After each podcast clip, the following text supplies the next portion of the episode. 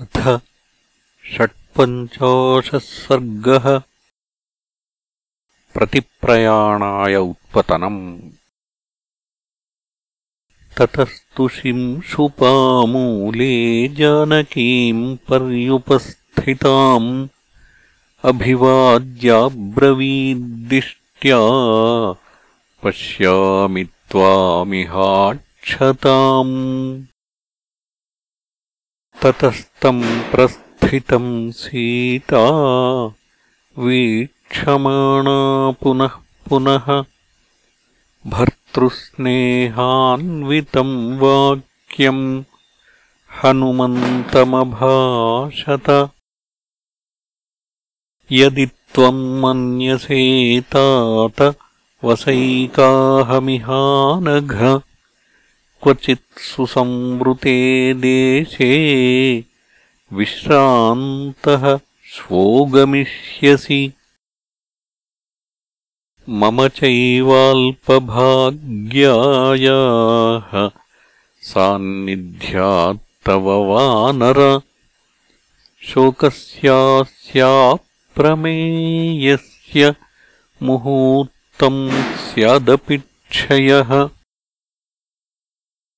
गते हि हरिशार्दूल पुनः सम्प्राप्तये त्वयि प्राणेष्वपि न विश्वासो। मम वानरपुङ्गव अदर्शनम् च ते वीर भूयो माम् दारयिष्यति दुःखात् दुःखतरम् प्राप् ताम् दुर्मनःशोककर्षिताम्। अयम् च वीरसन्देहः तिष्ठतीव ममाग्रतः। सुमहत्सु सहायेषु हर्वृक्षेषु महाबल। कथम् नु खलु दुष्पारम् सन्तरिष्यन्ति सागरम्। तानि हर्वृक्षसैन्यानि तौ वा नरवरात्मजौ। त्रयाणामेव भूतानाम् सागरस्यापि लङ्घने स्याद्वैनतेयस्य तव वा मारुतस्य वा। तदत्र कार्यनिर्बन्धे समुत्पन्ने दुरासदे।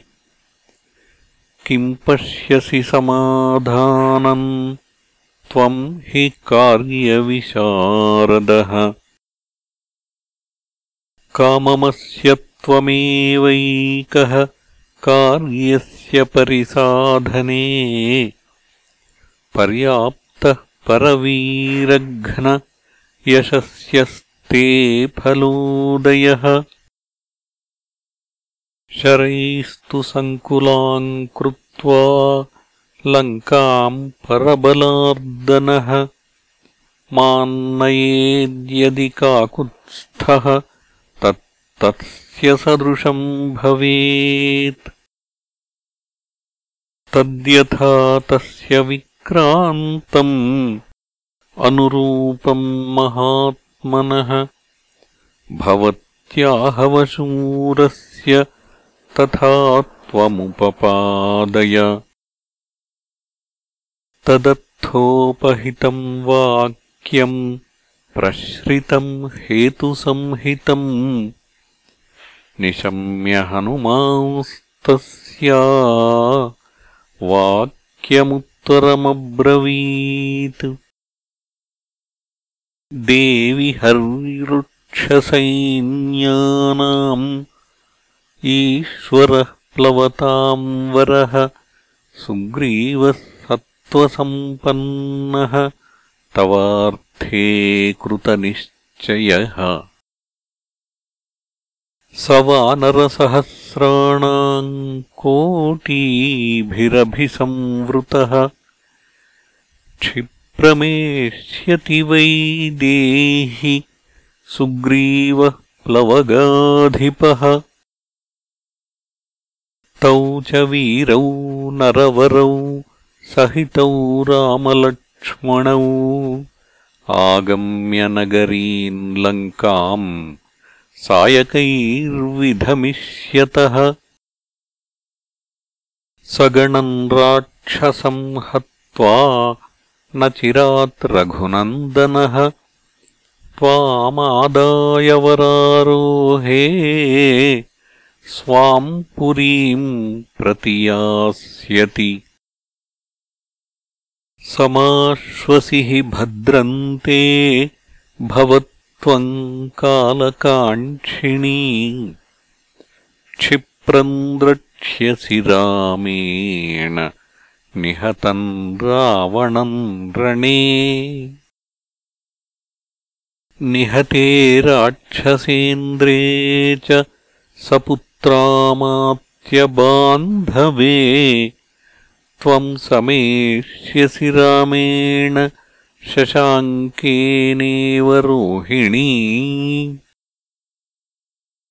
क्षिप्रमेष्यति काकुत्स्थो हर्वृक्षप्रवरैर्वृतः यस्ते युधि विजित्यारीन् शोकम् व्यपनयिष्यति। एवमाश्वास्य वैदेहीम् हनुमान्मारुतात्मजः गमनायमतिम् कृत्वा वैदेहीमभ्यवादयत्। राक्षसान् प्रवरान् हत्वा नाम विश्राव्य चात्मनः समाश्वास्य च वैदेहीम् दर्शयित्वा परम् बलम्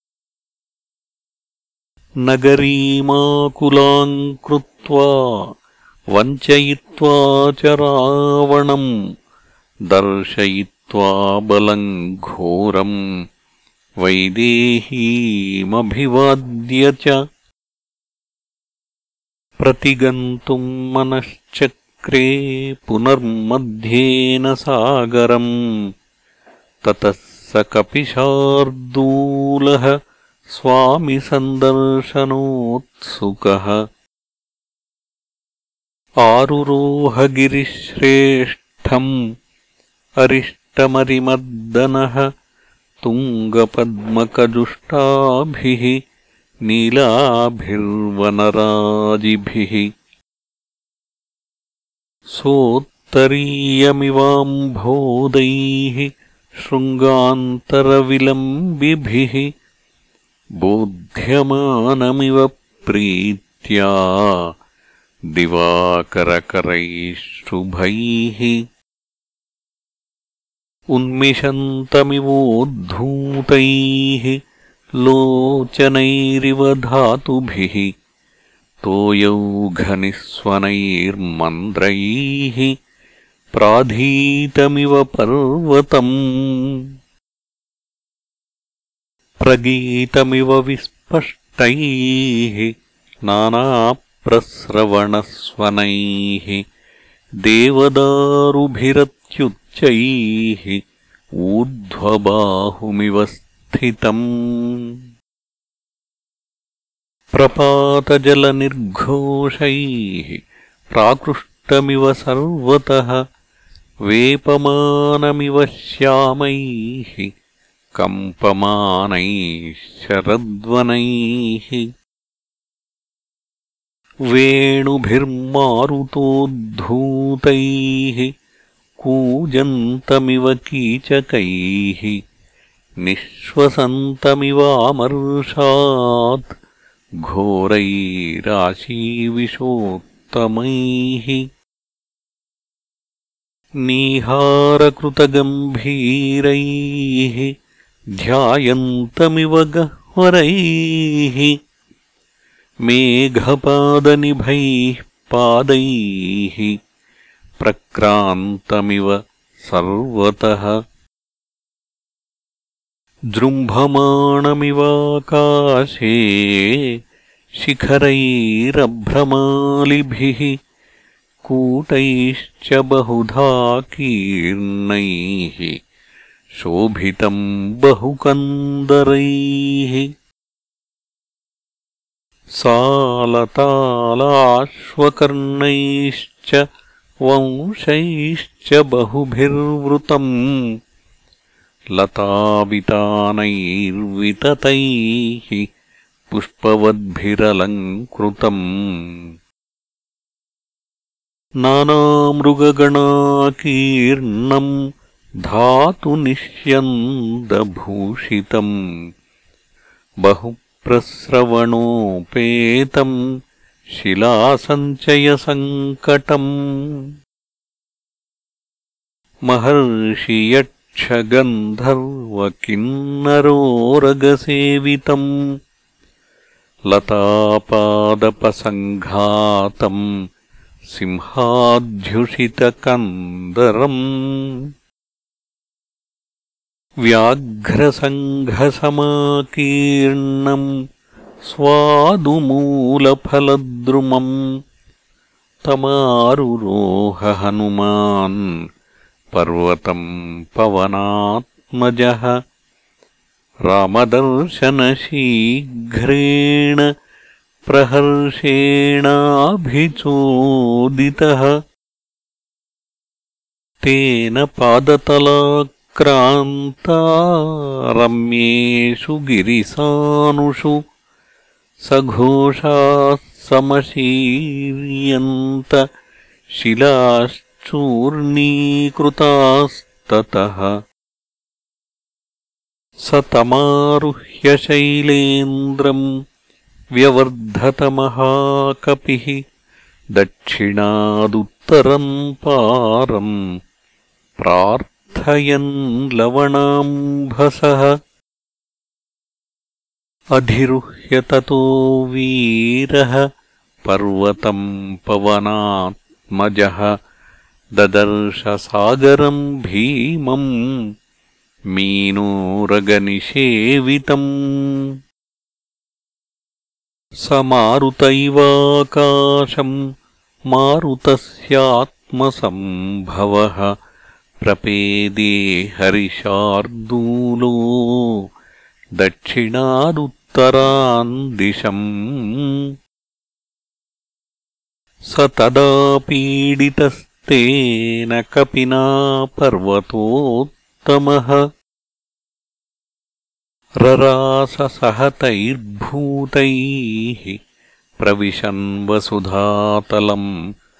कम्पमानैश्च शिखरैः पतद्भिरपि च द्रुमैः तस्योर्वेगोन्मथिताः पादपाः पुष्पशालिनः निपेतुर्भूतले भग्नाः शक्रायुधहता इव। कन्दरान्तरसंस्थानाम् पीडितानाम् महौजसाम् सिंहानाम् निनदो भीमो नभोभिन्दन् स शुश्रुवे स्रस्तव्याविद्धवसना व्याकुलीकृतभूषणाः विद्याधर्यः समुत्पेतुः सहसा धरणीधरात् अतिप्रमाणाबलिनो दीप्तजिह्वा महाविशाः निपीडितशिरोग्रीवा व्यवेष्टन्तमहाहयः। किन्नरोरगन्धर्व यक्षविद्याधरास्तदा पीडितम् तम् नगवरम् त्यक्त्वा गगनमास्थिताः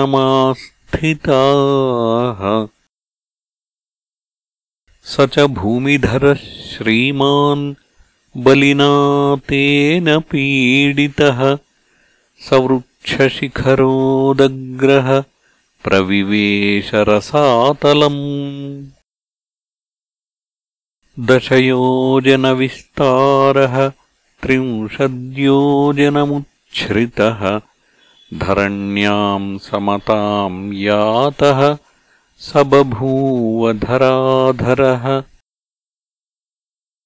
सलिलङ्घैषुर्भीमम् सलीलम् लवणार्णवम् कल्लोलास्फालवेलान्तम् उत्पपातनभो हरिः इत्यार्षे श्रीमद् रामायणे वाल्मीकीये आदिकाव्ये सुन्दरकाण्डे षट्पञ्चाशः सर्गः